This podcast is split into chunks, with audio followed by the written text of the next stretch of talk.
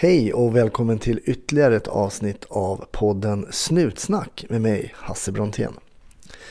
Jag har gjort en liten blänkare på Snutsnacks Facebook-sida där jag berättar att jag gärna tar emot en liten, liten stöttning via Swish. Jag eh, är nu i Umeå och eh, jag har ingen sponsor på podden så ni får gärna bidra. Vill ni swisha så gör ni det. Vill ni inte så struntar ni i det. Men om du vill göra det så gör det på 070-753 6875. 070-753 6875. Gillar du stand-up comedy så kommer jag imorgon den 17 januari 2018 till Harris i Stenungsund och skojar. Det börjar klockan 21. Stand-up comedy är ju mitt andra seriösa yrke. Eh, snutsnack är givetvis prio ett just nu. Idag har jag träffat polisen Thomas som berättar en historia som har rört honom och som kommer upp i hans tankar enligt honom själv dagligen. Den skiljer sig lite från de berättelserna vi har hört tidigare. Alla där ute, var försiktiga. Ha en riktigt trevlig lyssning. 70 kom. 1310 Odengatan kom. Ja, det är uppfattat. Vi tar det. Slut. Bra. Klart slut. Välkommen till Snutsnack Thomas Nyberg. Tack så mycket Hans.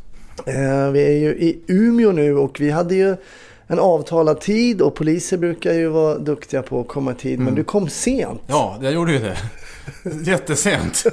Men jag skrev och sa att det skulle bli sent. Du skrev och sa att du skulle Ja. bli sen och du skrev också att eh, du blev sen på grund av ditt eh, polisyrke. Ni Ja. skulle göra en husrannsakan skrev du. Ja, det blev det. Och vi kunde inte avsluta den. För att har man påbörjat någonting så vill man gärna avsluta den själv. Och det var ganska...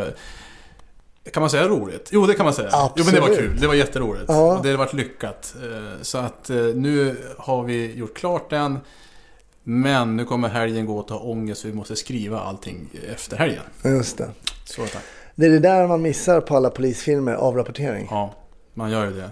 Eh, Det har sin charm det också, men inte jättemycket charm. Kan du berätta lite grann utan att gå in på... Kan du berätta lite grann vad som hände här i eftermiddags? Alltså det är alltså då en fredag eftermiddag när vi spelar in det här i Umeå. Eh, vad, vad är det för case ni har haft? Det, egentligen så är det så här, jag jobbar som områdespolis på ett område och vi, vi skulle skapa trygghet tänkte vi och gick in på en butik på det området vi hade. Och där upptäckte vi faktiskt en, en stöld eh, som hade begåtts. Och eh, vi har ju tid, eh, vi är fredade, inte som vanliga eh, ordningspoliser, men vi kan jobba ganska mycket. Så vi har försökt få fram vem som har gjort det här och till slut fick vi väl det. Och Fick en husrannsakan och hittade eh, grejer, kanske inte de saker vi skulle hitta men andra saker. Så att ett sånt här, vad ska man säga, ett ärende som växte. Just det. Eh, och det är ganska roligt när man själv har initierat det. Det är väl det. Precis, så det här var alltså inte ett ärende där de hörde av sig från ledningscentralen och sa att det ligger stöldgods där. Utan ni, ni hittade någonting helt själva så att säga. Nej, och, det, och då är det extra roligt för då har man faktiskt tänkt till. Två år i polishögskolan, då lär man sig mycket. Ja. Men eh, då, då har ni haft hela ärendet från initialt från början. Ni misstänker en stöld, ni kontaktar förundersökningsledare då kanske? Då kontaktade vi dem och vi drog grejen att ja, men nu har vi det här. Eh, det, de finns misstänkta. Skulle vi kunna tänka oss få en husrannsakan? Eh, visst, säger de och så får man det. Och då kan man åka dit eh, och göra den där husrannsakan utan papper. Just det. Vi behöver inget papper utan vi säger att vi har en husrannsakan och, och vi, har aldrig, vi har aldrig visat papper någon gång. Som på Just det. film. Och det är väl ganska vanligt och det kommer jag ihåg också. Vi, när jag jobbade mycket med narkotika så man att få se papper Mm. på att ni har husrannsakan. Men det, det visar man inte i Sverige. Nej, man gör ju inte det. Jag tror jag vet att jag någon gång har skrivit något handskrivet bara att vi har rätt att gå in här. Och så sen, ja då nöjdes de. Men det, då är det någonting i alla fall. Just det. Ja, men inget så här häftiga som man visar upp. Skulle du säga att man brinner extra för ett ärende som man har initierat själv? Ja, det gör man. Eh, och det är det som är viktigt att man får dra det så långt ut. För vi sa det också att om vi hade lämnat det här med, med bara en stöldanmälan så hade det gått till Eh, det hade hamnat i balans och sen hade den utredare fått tag i det. Och jag säger inte att utredare inte gör ett dåligt jobb. Men däremot så är det en i mängden. Mm. Och man måste, man kör ju på med det man kan. Och vi är som är inne i det just då och där. Då, då har vi vi har pratat med den och vi har pratat med den. Så vi har alla bitar i huvudet. Mm. Eh, En utredare måste titta på papper. Vad alla som har skrivit PM. Och försöka få ihop det utifrån det. Och det, det är svårt. Det är jättesvårt. Därför är jag, men jag är inte utredare. Det, det är de duktiga som är det. Ja. Har ni frihetsberövade i det här ärendet också eller? Eh, haft frihetsberövade men släppta. Ja, okej. Eh, det kommer bli mer. Mm. Det- Så kan vi säga. Kul. Ja men det är bra. Det, Ja. det gillar vi ju på Snutsnack att man kommer för sent för att man har gjort en husrannsakan. jag skulle säga att det är ett legitim ursäkt. Bra. Ja, men det.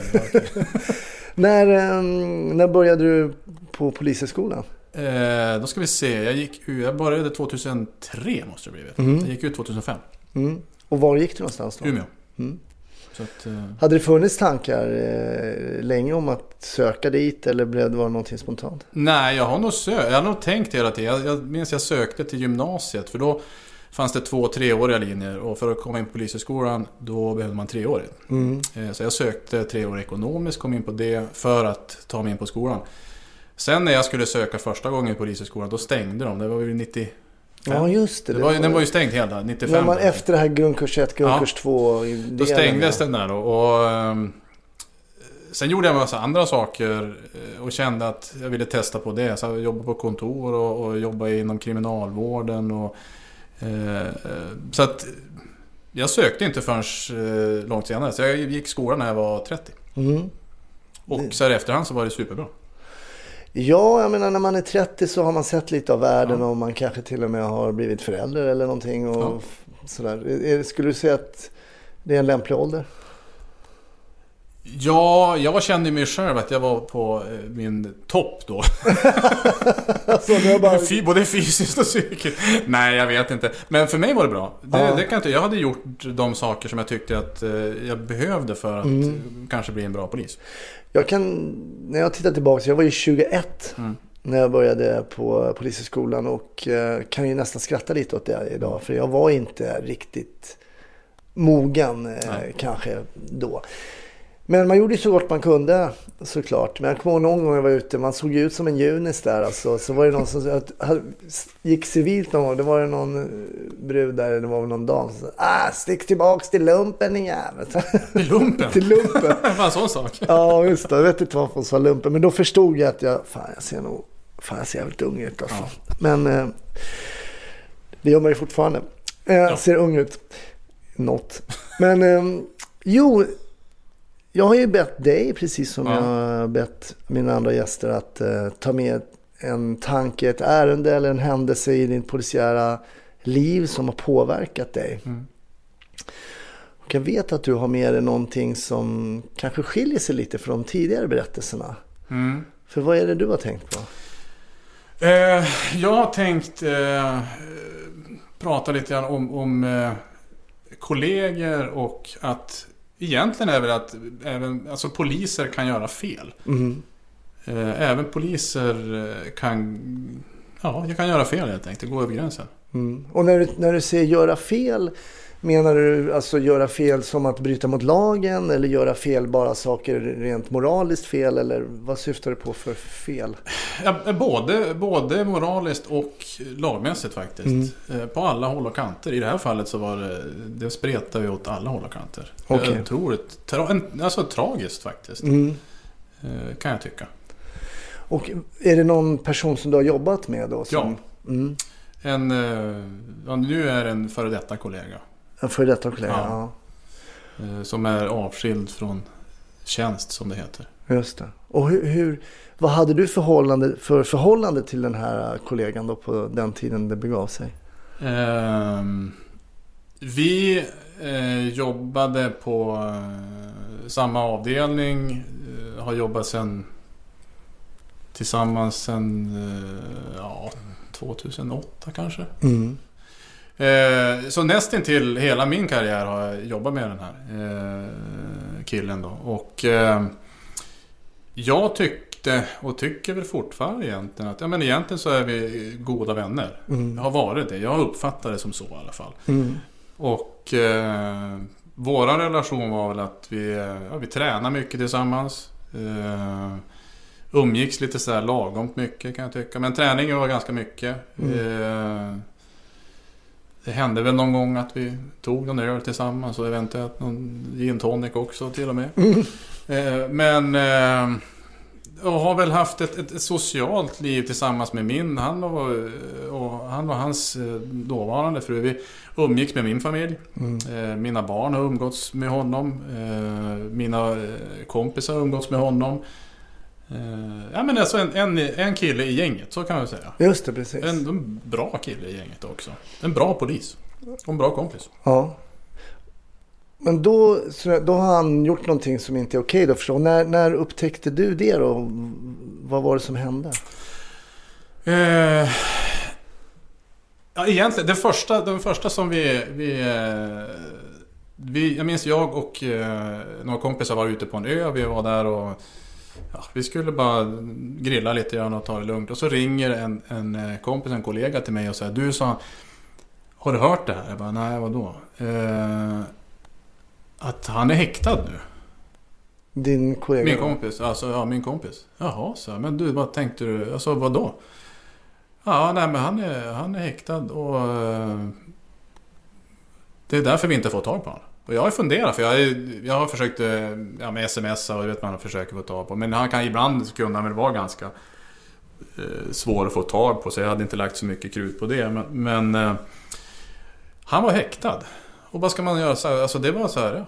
Alltså man kan som inte eh, relatera till det på något sätt egentligen. För att eh, Poliser? Alltså, poliser ska ju inte bli häktade. Nej, kan man säga så? Jo, det Nej, men precis. Det, borde kan- inte vara så. Så borde det inte vara. Och kanske inte heller de som man är god vän med, Nej. som man känner också. Nej. Det blir kanske en kombination där. Ja. Eh, och då visade det sig att det hade gjorts, eh, för i det här fall, den här stunden, då hade han flyttat från, eh, från vår stad och flyttat till en annan stad eh, söderut. Mm. Eh, och där hade det gjorts en husrannsakan hemma hos honom. Okej. Och eh, nu är ju det här, han är ju dömd för det här. Både alltså, i tingsrätt och hovrätt. Så, att, och det, så det, allting är ju klart. Eh, men i det här fallet så hade han tydligen, som jag förstår det, hade han hade beställt narkotika. Eh, eller någonting som liknar narkotika i alla fall. Och eh, tullen hade fått nys om det här och de hade kontaktat oss och, och sen skulle det tas, göras husrannsakan. Och det som gjordes husrannsakan, det fanns, de hittade väl lite narkotika och lite doping och lite, och sen hittade de vapen också. Okej. Och då hittade de två pistoler. Och det var två pistoler från eh, två kollegor. Alltså polisens Polisens tjänstevapen. tjänstevapen. Ja. Eh, Hade han dem i sin bostad? han då? hade dem i sin bostad. Okej. Men Och det var ju ingenting som vi visste om. nej, men spontant tänker jag då. Alltså tjänstevapnet har man ju i sitt skåp. Ja. Speciella. Hur kan det bara... Nej, det är det. Alltså man har det i skåpet. Eh, och hur... Och vi kan exakt- väl förklara bara för lyssnarna då att vapnet har man ju ett speciellt vapenskåp. Ja. Så det har man ju inte i sitt omklädningsrum där man Nej. har byxor och sånt. Utan det är ett vapen. Där går man ju in i en vapenkassun och där stoppar man in sitt vapen och man delar på det och det... Allting är ju... Och så har du en egen nyckel. Eh, och ingen annan ska ha tillgång till det där. Mm. Och hur han hade fått tag på dem där eh, är fortfarande lite oklart tror jag. Men hur hade de här kollegorna inte märkt att de här... Nej, de här kollegorna, det visar väl så också att de hade varit mammalediga. Okej. Just de här. Så det var, det var ju en längre period också. Som de Okej. inte hade varit in i sitt skåp. Och det tror jag inte är så jättekul om man kommer tillbaka. Så ska man ta ut sin pistol och så är den borta. Så den ångesten, alltså det är ju ett jäkla eh, sätt också kan jag tycka. Ett oerhört svek. Ja, eh, alltså det blir ju, det blir ju jättejobb. Och de har ju förmodligen, jag ska inte säga, jag vet ju inte alls. Men ja, de har väl förmodligen blivit anmälda egentligen. För de har ju faktiskt de facto eh, Inte haft uppsikt, Nej, nej, de har ju tappat bort sitt vapen. Även om man kanske sen säger att det inte är de som har gjort det. Men, Ja, det. ehm, och, eh, så de där var borta ett tag tydligen. Och det hittades. Men de hade ju ingen misstanke att de fanns hos honom som jag förstår det. Nej. Men de råkade bara vara där.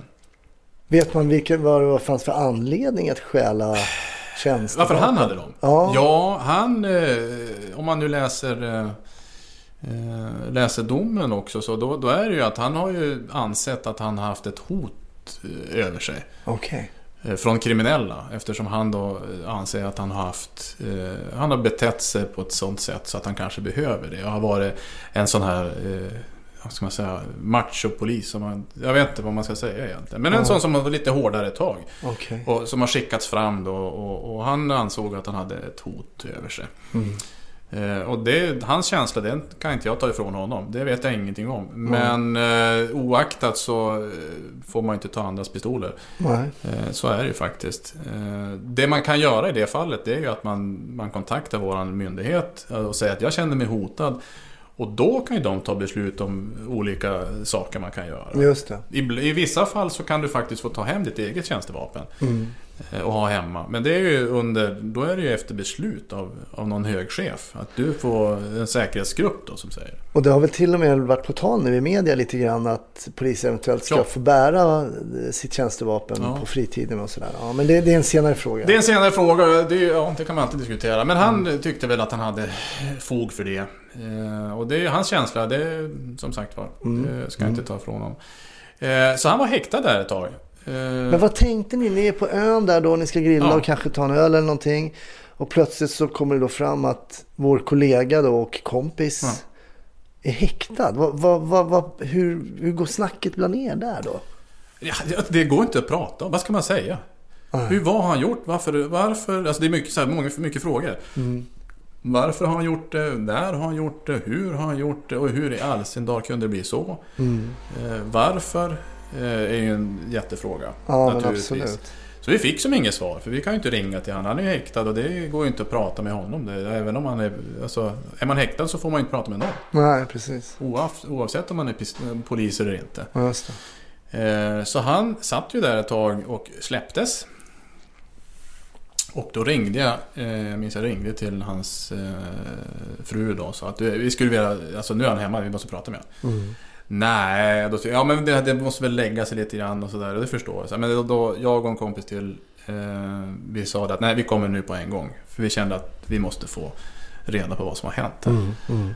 Eh, och vi kommer och han... Eh, som om ingenting har hänt. Det var lite jobbigt faktiskt. Okej. Eh, eh, det, var ingen, det var ingen fara skulle vi tycka att det var. eh, Utan det var nog värre än... Det såg värre ut. Och sådär. Och, Försökte, men förklara han till exempel det här med vapnen eller vad? Ja, han försökte Det var förklara. det här med hoten Ja, med hoten där försökte han förklara. Och så sen var det ju det här med narkotikan och där var det lite grann att ja, det hade väl varit eh, problem, visst. Men å andra sidan så, jag menar, hade jag druckit alkohol så hade jag fått hjälp. Men nu är det, nu är det en annan substans då så att...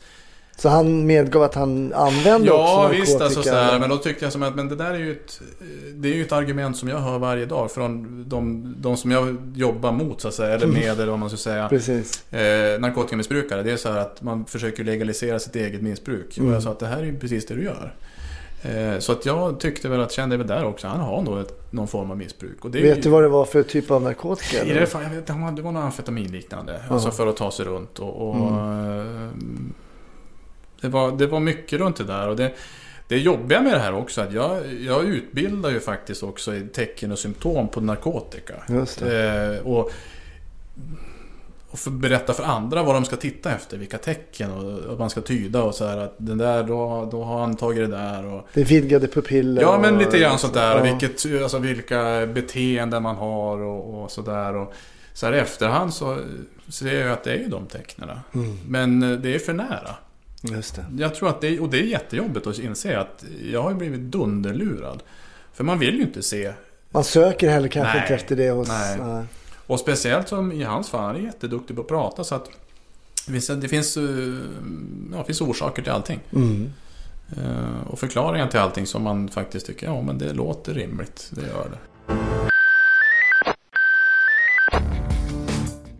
Men när ni lämnar honom här och ni har pratat Mm. med honom. Hade du, hade du fått någon klarhet kände du i hur det här skulle Hanteras. hanteras? Ja, det lite grann tyckte jag så här. Men det kändes som att, ja men han har ju ändå varit häktad alltså. Nu, nu är det ju som bara att ta, ta steget vidare. Mm. Och jag kände ju då att jag kände då att ja, men han, han har någon form av problem. Alltså det, och om det är att han är eh, beroende av någonting eller sånt där. Men han har ett problem i alla fall. Vilket innebär att då, de ska man hjälpa och det ska vi göra. Alltså som poliser eh, känner jag så här att ja, men, alla som vi jobbar med eller mot på ett eller annat sätt försöker vi faktiskt hjälpa. Syftet är att hjälpa. Det är inte att, att sätta dit folk sådär. Som, utan det är, missbrukare tar vi och vi försöker hjälpa den till vård. Mm. Det gäller ju en, en kollega också. Och det kände jag väl att eh, många kollegor eh, kanske vände honom ryggen där. Mm. Så jag försvarar honom ganska eh, ordentligt. Inte det han hade gjort, absolut inte. Utan mer bara att jag tycker att även om det alltså, alltså en, en, en kollega och jag förstår att många känner sig svikna av, av honom i, i yrket. Eh, men det är fortfarande människa som man ska hjälpa. Mm. Eh, och, eh, så det, det var väl några stycken som, som stod upp för honom där. Och kände att vi ska hjälpa honom. Och myndigheten har ju sitt, de har ju hjälpt honom på alla sätt och vis. Eh, om jag läser i, i, Mm. i dom och sånt där. Men vad de har gjort det vet jag inte och, och jag förutsätter att de har gjort allting de kan. Och jag har gjort mitt tycker jag. Men den här häktningen då, han blev frisläppt sen och Mm. Då blev han dömd också. Han blev eh, dömd, eh, visst. Men han överklagade den domen. Okej. Så han, han släpptes ju och var ju fri. Mm. Eh, och eh, flyttade väl eh, lite senare till en, en liten by utanför här. Och vi hade sporadisk eh, kontakt. Jag försökte någon gång lite trevare sådär att men, hur, om du behöver hjälp så säg till alltså. Jag, jag förstår att det är jobbigt och sådär. Och, och han var väldigt sådär att ja men jo men du vet att det är jobbigt och allt så. Men, ja, men säg till så. Men vi träffades aldrig utan vi bara hade någon sån lite sms-kontakt. Som man har. Mm. Eh, och eh, han börjar väl sakteliga komma tillbaka till Han brukar vara, vara inne i stan och det, man ser att han börjar eh, bli med på sociala medier och gamla kompisar verkar knyta an till honom och sådär. Och, eh, och jag menar misstag kan alla göra och sen att han ska vara polis efter det, det var väl kanske tveksamt. Men, men människa ska han ju fortfarande få vara. Eh, sen kom nästa eh, händelse faktiskt som, som eh, min, eh, jag och min fru hade separerat just då men då ringer hon till mig och sa att fråga om jag hade varit i vårt gemensamma hus. Nej, sa det hade jag inte. Här säger hon då, eh, då tror jag att vi har haft inbrott här. Mhm. Ja, tyckte jag. Det var jättetrist och jag sa att ja, men då får du ringa. Vi ringer till kollegorna så får de ta hand om det där och, och göra det efter boken. Så att jag, jag sa att jag ska inte dit och peta i någonting utan det får de hantera. Mm. Eh, och det visade sig att hon har blivit av med då, eh, tror jag, fyra jaktvapen. Eh, mediciner som min dotter behöver Mhm. eh, var tagna. Någon dator och sånt där. Och, ja, det var, och det var ju jobbigt Mm. för oss kan jag tycka. Sen eh, gick det ytterligare eh, några månader efter det där. Och då får vi reda på att de har en misstänkt för det här brottet. Okej. För inbrottet. Mm. Och då visar det sig att då är det min kollega som har gjort det där. Eller han misstänkt för det. Okej. Och hur har man hittat honom då? Som, alltså, hur har man kunnat härleda? Här, ja, visst. Alltså, det, det är ju många. Alltså, han har ju varit ofta i, i vårt hus. Så att, men det är klart att hans fingeravtryck finns överallt. Och sånt. Men i hans fall, och han är ju dömd till det också. Så att, eh, därför kan jag väl säga att... Ja, men enligt domstolen så är det då. Eh, så är det en, en kraftig så här, en så kallad indiciekedja. Okej. Och det är väl mer och mer, tror jag att eh, mycket utredningar är utifrån telefoner, telefonmasttömningar. Mm. Man kan, man kan härleda att den här telefonen har varit där. Och, ja, mycket sådana här, de här digitala spåren som vi lämnar efter oss eh, har blivit otroligt viktiga i, i polisutredningar.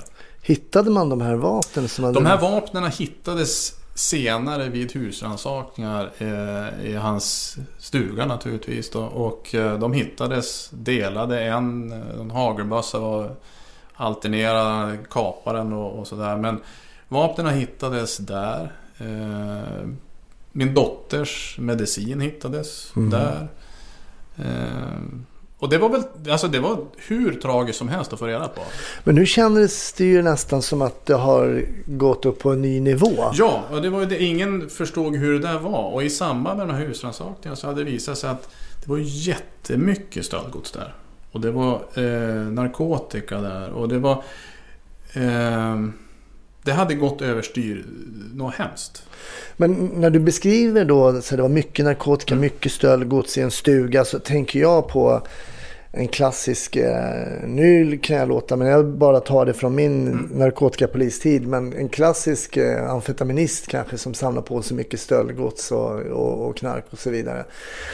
Men när jag säger att han tagit till en ny nivå, det är att han är hos en kollega slash vän och gör inbrott då. Ja, och du har, alltså, ja, det är min tanke också just det här alltså, amfetamin och tjack, att man blir pillrig och man ska göra saker Mm. med allting. Och det är man, en liten sån här hoarder, man samlar på saker. Exakt. Ja. Eh, och det var väl det, det jag kände också. Och, och, eh, eh, nej men just det här att eh, fick reda på det där. Det var... Känslan var väl att på ett sätt var det ganska skönt. Eh, faktiskt. Hur då? Skönt? Ja, alltså det var det är lite knepigt. Men samtidigt så är det så här, om, om det nu är han, för han var ju bara misstänkt då. Mm, Så vet jag vem det är. Just Vilket det. innebär att jag kan även prata med mina barn om det. just det. Det är ju jättejobbigt att ha haft inbrott i ett hus och inte veta vem det är. För då vet man ju inte om den här personen kan komma tillbaka. Just Om det hade varit några av våra lokala busar som hade varit och, och där nere och då kanske de kommer tillbaka. Mm. Eller att man vet att det, det är någonting på drift eller man har tappat några nycklar eller något sånt där. Men nu kan jag faktiskt, även hur jobbigt det än var. För jag och min fru var ju tvungna att förklara för våra barn Mm. att det här är faktiskt misstänks, det misstänks en, en av våra vänner. Och han, hade han kommit hem till oss och vi hade inte varit hemma, men mina barn hade varit hemma. Och han hade sagt, ja jag ska hämta en uh, vinkelslip eller sånt där. De hade, bara, de hade gått och hämtat den eller de hade släppt in honom och gjort det. Så på den nivån var de, var, de såg ju upp till honom. Just. Eh, och samtidigt så kände jag så här, ja. Det var ganska på något sätt så här, men då, är det, då får det vara på något sätt. Alltså. Än att leva i ovisshet, den är ju jobbigare faktiskt. Än, än eh, den hårda sanningen som är jättejobbig i och för sig. Men hur resonerar du här? För nu, om jag uppfattar det rätt så dömdes han då för det här också? Ja, han frikändes i tingsrätten, eh, överklagade och blev dömd i hovrätten. Sen blev dömd i hovrätten. Mm. Och hur blev din inställning? Du sa att du hade backat honom tidigare. Ja. Mm. Du sa alla människor gör misstag, vilket man kan ju hålla med om då. Men nu går han in då i, i din, din, din och din exfrus hus, självvapen. Hur, hur resonerar du då kring vänskapen här då? Eh, med den här personen? Har du fortfarande någon form av förståelse för eh, Ja, Alltså jag, jag må- kan inte säga annat än att jag har förståelse för. För jag, alltså jag, har, jag, jag har jobbat ändå hyfsat länge. Mm. Vilket innebär att jag ser, jag har sett sånt här som, alltså det, när har du ett missbruk, har du en, en problematik så jag vill ändå hävda att man, man gör saker många gånger för på grund av eh, konstiga substanser. Mm, man har mm. ätit en konstig svamp eller något sånt där. Mm. Eller, ja, det händer saker. Samtidigt så känner jag så här, alltså jag vänskap, det skulle vara... Men det är väl kanske en förklaring, men är det en Ja. ursäkt? Nej, liksom det är att- inte. Alltså, jag, jag vet att efter eh, det här kom fram och, och det var någon artikel också i en tidning om det här. Och då var det, vet jag att det, det var en kompis till mig som ringde och sa det att Men så himla tråkigt, vad, vad, alltså, vad tragiskt för, för honom då. Mm.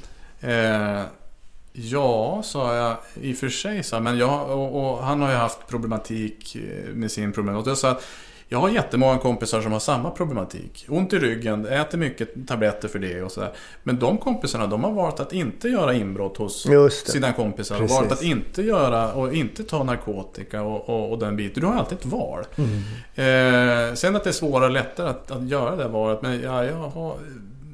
Jag är otroligt likgiltig just nu faktiskt. Eh, Men hur var, jag är lite nyfiken, hur, var liksom, hur blev stämningarna i distriktet och på Ja. polisstationen? Om man tänker, nu har vi en kollega då som har gått och blivit ja, kriminell. Alltså dels inte Ja, bara ja, att, man, att han konsumerar narkotika och handhar det på ett, men han har stulit tjänstevapen. Har stulit, vad, vad, var- gick, hur gick snacket bland kollegor?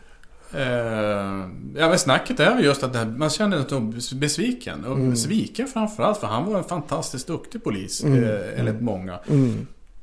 Och eh, på alla sätt och vis. Eh, framåt och, och driven och sådär. Men, men Vilket innebär att för många har ju litat på honom. Mm. Och, eh, och sen är det klart, jag pratar med några stycken som säger att ja men det där visst, det där såg jag, det, det såg jag också. Du, att har han tagit doping, det där såg jag på en gång. Så där kan man inte bli. Och, Men alltså inte påtalat det då eller? Inte på, och då säger jag det. Jag, till slut var jag bara tvungen att säga det. Att hade du sett det då, du är polis och då, då måste du göra någonting åt det. Mm. Alltså ser man ett brott så måste man ju göra någonting åt det där. Men Absolut. det har man ju bevisligen inte gjort. Så att, alltså, och det är ju lätt att vara efterklok. Jag kan ju också säga att jag har sett alla tecken Mm. som finns. Eh, så här efterhand. Jag är ju dunderlurad och det känns jättejobbigt. Jag känner när jag står och ska och, och, och berätta för folk om hur de, vad de ska titta på efter. Jag, säger, jag har ju ingenting kommit. Jag är ju värdelös på det där. Mm. Eh, för jag har sett det framför, alltså så himla nära men ändå missat det. Jag tänker också på allmänheten då när för att det är ju så lite tycker jag med polisyrket och poliser att det som uppmärksammas är ju sällan alla de bra ingripandena, tusentals ingripanden görs ju varje dag. Ni, eh, du kom bland annat för sent på grund av ett här som ni gjorde som verkar ha varit ett bra eh, jobb. Fantastiskt jobb. Ja, såklart Thomas, såklart. Men här har vi då en polis som har gått och, och eh, kommit snett av olika anledningar, har blivit kriminell. Vad gör det för förtroende för allmänheten för den polis, den svenska polisen som vi har? Det är, för egentligen Ja. är det ju bara en person, ett, ett sorgligt eh, då, Ja, det, fall. det här är ju ett människoöde. Jag kan ju säga det är så tragiskt. Och jag, jag, jag vet faktiskt inte, men jag tror inte det. Alltså, om, om man vill leta fel på polisen så hittar man fel. Mm. Jag tror inte att det, i det, på det stora hela förtroendet för polisen har Ja. eh, alltså, naggats jättemycket på grund av det här. Faktiskt inte. Alltså, jag tror att de... Eh, på det stora hela så tror jag nog att folk förstår att Alltså det kan gå snett för alla. Jag hoppas i alla fall att folk vet det. Mm. För alltså, som och även, framförallt är det poliser. Och därför känner jag ibland att det var lite konstigt när man tycker att man vänder folk ryggen. Just för att en polis om någon ser ju att det kan gå käpprätt åt skogen för alla. Exakt. Alltså att det är en, en företagsledare, lärare, läkare. Alla Mm. kan ju ha en dålig eh, period. Ja. Och det går så himla fort också. Jag, menar, jag, vi har inte jättemånga eh, hemlösa i Umeå, men jag kan tänka mig... Alltså det, men i Stockholm, eh, jag vet att de som har de här eh, härbärgena man går på dem. Prata med dem. Varenda en är ju ett människoöde. Precis. Och det, vad som har hänt? Jo, de har blivit av med något jobb. Eller blivit av med, och sen, hade, sen har det blivit en, en spiral neråt. Som man inte har kunnat stoppa. Men när det här var aktuellt fick du mycket frågor från folk som du kanske mötte på någon fest eller något sånt där? Eller var det någonting man pratade om i Ja, stan? alltså, du, liksom, nej, eller? du vet att, ja, på stan lite grann kanske, men det här är ju så känsligt. Alltså även... Alltså det blir för, det blir för känsligt. Det blir, och framförallt när man insåg att det var, hade varit inbrott hos oss. Alltså mig som, jag som kände den och så här. Eh, det är som allting annat som är jobbigt att prata. Man vet inte vad man ska säga. Nej. Alltså i en familj, ett dödsfall i en familj. Man vet inte vad man ska säga. Ja, hej hur är det? Alltså du vet, det, Nej, det blir känd, det det blir blir... otroligt jobbigt. Tryckt stämning. Man vet inte ens hur man ska leda in Nej. på ämnet. Nej, nej, nej. Så jag har väl försökt. Jag har försökt vara så ärlig jag kan. Alltså Mm. det, och, eh, jag vet att folk hade jättemycket frågor och sådär. Och hur, hur det var och sådär. Men... Eh, och, och därför så ibland så kände jag väl som att jag fick ingen stöttning från dem. Men jag förstår ju också varför man inte får det. Ja, just det. Just för att det är så himla jobbigt. Man vet inte hur man ska Mm. ta tag i det. Och man, man får nog bita ihop. Och, och, eh, som i det här fallet, då är det, men det är jag och min exfru som har fått tagit tag i det här. Och Mm. tillsammans eh, fejsa det här. Det, alltså, det, är ju, det är ju så enkelt. Vi har ju fått gå tillsammans i det här. Hur ofta, hur ofta dyker det här upp hos dig då? Hur ofta... Ja, nu... Ja, mer eller mindre. Alltså, de dyker upp varje dag. Det tror jag säkert. Alltså, det påverkar. så- Alltså, ja, men det tror jag på ett eller annat sätt. Det, det, man Mm. påminns om det. Och nu är ju domen klar, så nu, nu ska vi försöka eh, lämna det här vidare. Men ja, det är mycket som är så här. Det är samma sak. Jag skulle gärna vilja sätta mig ner och, och prata med honom till exempel. Och höra hur fan blev det så här då? Mm. Samtidigt så vet jag att det kanske inte skulle ge så mycket.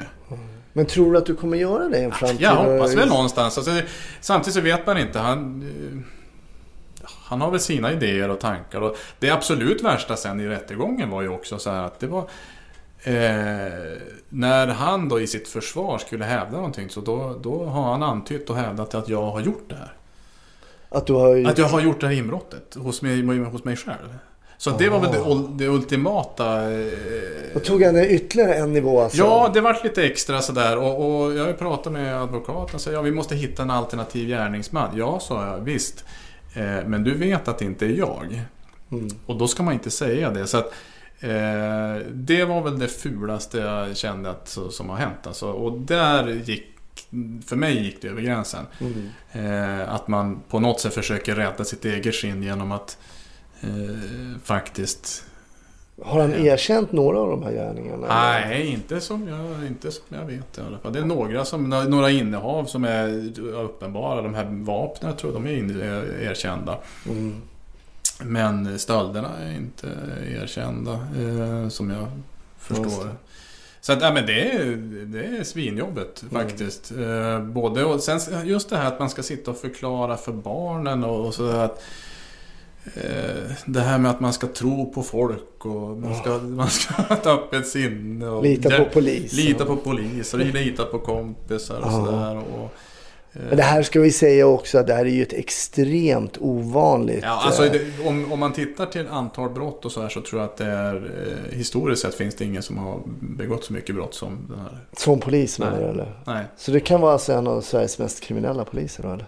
Jag skulle tippa det faktiskt. Jag har ingenting som... Eh, jag har ingen statistik på det, men jag kan tänka mig det. Alltså antal olika, alltså olika brott eh, under så pass lång tid också. För man kommer ju sådär, top of mind kommer man ihåg några som har, jag vet när kört drograttfull var väl de Ja. i Malmö och sen så har vi ju Kapten Klänning, Ja. min gamla rektor och sen så har vi några andra narkotikabeslag och sådär. Det är väl hade väl någon som rånade någon bank. Och, Ja, ja, men precis. Men då tror jag att där handlar det också att det är inte så många antal brott. Det, Nej, det är fula förstår. brott, det är brott alltså. Men, Mm. men eh, jag, nu vet jag inte Captain Cranny hur många brott det blev. Men, eh, och, men rånar en bank, det blir inte så många. Det är rån. Mm. Det är ett brott till exempel. Men i det här fallet är det så många olika. Jag tror att det var 14-15 år. Alltså det är Mm. dopingbrott, det är narkotikabrott, det är stölder, det är vapenbrott, det är grova vapenbrott, häleri. Det, Mm. det är hela spektrat. Ja. Och därför så är det ju någonstans, någonting har ju gått superfel. ja, det måste jag ha gjort. Och det är ju intressant att veta var det har gått fel. Ja. Nej, det är en riktigt intressant historia och som man sällan kanske tänker på. Men det, det kan ju låta, det kan låta kanske lite konstigt men, men man tänker ibland inte på att polisen ska begå brott. Va? Och, och när det kommer upp i den här skalan som du berättar så så blir man ju oerhört förvånad. Och det här är ju någonting som man inte kanske skulle kunna tackla bara i sin närhet med folk som inte ens jobbar som poliser menar jag. Och, Nej, det blir... ja, det kommer upp i ett annat eh, spektrum när det är en, en, en polis som har gjort det. En oerhört eh, intressant historia Thomas och eh, stort tack att du delgav mig och våra, eh, våra lyssnare här eh, den här historien. Jag kommer osökt att tänka på en film när jag hör... hör ja, det, det Ja. brukar ju vara en liten avrundning Ja, sådär. det, ja. Men, eh, och jag vet inte, det kanske inte du har sett den här, men jag kommer att tänka på en film med Harvey Keitel som heter Bad Lieutenant. Ja. ja, just det. Ja, Har du sett den? Ja, där, eh, det kan man ju tycka faktiskt. Eh, Ja, den är bra. Ska Den vi säga bra. det? Ja, det här det är min favoritpolisfilm. Vad bra, då har vi avklarat hela den punkten. Osökt. Nej, men, och, jag har ganska svaga minnesbilder, men jag har några minnesbilder av den här filmen. Och det är ju att han är ju då en sån crooked cop Mm. då va. Han knarkar, eh, han snor, han stjäl beslag, Mm. eh, han gamblar, han har liksom ett missbruksproblem, Mm. han har ett gamblingproblem. Och jag vet inte, men det kom upp när jag hörde det här. Det är en jämförelse som inte såklart stämmer riktigt. Men det är en bra film. Det är en bra film, den är väldigt mörk. Ja. Men den här historien som du har berättat är ju också väldigt mörk. Därför det är ju, precis som du säger, ett människoöde bakom hela det här. Och sen råkar det stå polis på titeln på den här personen. Och då blir det på något sätt, då förstärks det här då i och med att han är då en lagens väktare och begår alla de här brotten. Ja, och den är så mörk på det sättet att det här inte har bara har drabbat, eh, det är inte bara honom. Alltså jag, jag tror att om jag tittar på eh, andra alltså, brott och kriminella som jag träffar så att det är klart, alltså det, men det är ju inte bara ett problem för honom. Det är ju hela omgivningen. Det är, det är släkt, Som naturligtvis tycker det här är fantastiskt jobbigt. Det är eh, en fru som tycker att det här var jättejobbigt. Det, du har kompisar, kollegor. Alltså det här har dragit så otroligt stort och alla har... Eh, och han utifrån som han är också. Fantastiskt trevlig. Så han har ett, ett kontaktnät som var väldigt stort. Mm. Och det där har... Eh, alla har ju sin eh, historia och sina tankar om hur de har blivit drabbade. Men Just de flesta har nog inte blivit drabbade bra. Ja. Nej, och det är ju så just med narkotikamissbruket som ju får oerhört mycket negativa synergieffekter just som du säger. Att det slår ut som en klusterbomb överallt, det sociala och så vidare. Ja, det är, det är det som är det absolut värsta. Och det är det vi säger. Jag menar, när man pratar med anhöriga till missbrukare som vi gör oftast. Och så här, då, det är ju det. Så de, de lider ju jättemycket. Missbrukarna lider ju kanske inte på samma sätt. Nej, de är mitt i det. De är mitt i det och det är, det är, de har en liten, liten bubbla. Men de andra som försöker, det är ju jättejobbigt Mm. att se faktiskt. Och det här, i det här fallet så är det så många som har drabbats så otroligt hårt. Mm. Som är så ledsna faktiskt på, på grund av det här. Och jag tycker att det är jättejobbigt. Det är det verkligen. Jag förstår det. Jag förstår också att det här dyker upp. Och du jobbar ju också med sådana saker där du kanske tar sådana saker i beslag. Mm. Det kommer upp tankar och så vidare. Och så vidare. Jag vet också att du finns på Instagram. Mm. Eh, Du heter Polis i norr. Ja. Så vill man följa Thomas på Instagram så går man in och söker på Polis i norr. Så får Ja. man se lite av ditt dagliga arbete där. Lite grann ja. Lite grann. Lite jakt. Lite jakt också. Det är lite blandat. Ja, Mm. här. Lite som en, en, en, norr, all, en allmänt en norrlänning pysslar med. Lite jakt, lite skoter. Ja, nej, ingen skoter faktiskt. Ingen skoter? Nej, ingen skoter. Ingen Är skoter. det sant? Nej, nej, jag går i skogen. Ja, det är så? Ja, det. okej. Nyttigt. Stort tack Thomas Ja, att du var gäst. Ja. Tack så jättemycket.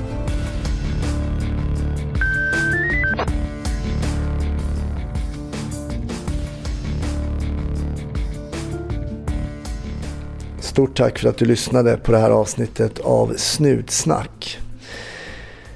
Snutsnack finns på Facebook. Jag finns på Facebook men även på Instagram och på Twitter under mitt eget namn Hasse Brontén. Ni är välkomna att följa mig där. Vill ni ge ett litet bidrag via Swish för att stötta podden för att få mig kanske att resa i landet eller betala min eminenta klippare Daniel Ekberg så får ni gärna swisha på 070 070-753 6875. 070 753 6875. Ha det jättebra så hörs vi i nästa vecka.